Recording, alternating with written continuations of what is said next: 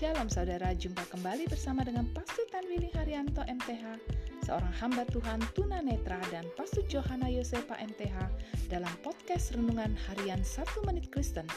Di dalam podcast ini, kami membagikan kebenaran dari Alkitab yang dimulai dari kitab kejadian sampai kitab Wahyu. Selamat menikmati.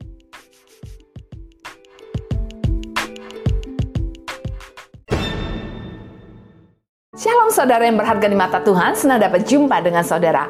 Hari ini firman Allah menasihati kita untuk hormat terhadap ketetapan-ketetapan Allah. Allah berfirman kepada Musa untuk membuat minyak urapan yang kudus dan ukupan yang murni dan kudus.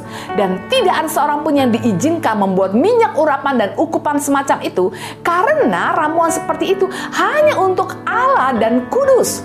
Siapa pun yang membuatnya untuk dirinya sendiri harus ditumpas dari tengah-tengah bangsa itu.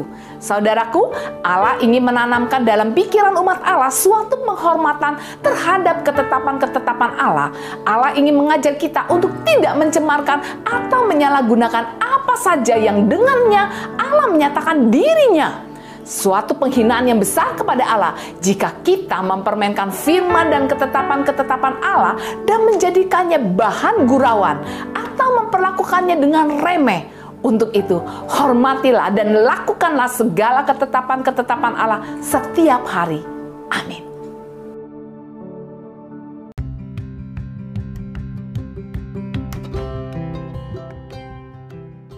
Terima kasih saudara telah mengikuti podcast Renungan Harian 1 Menit Kristen.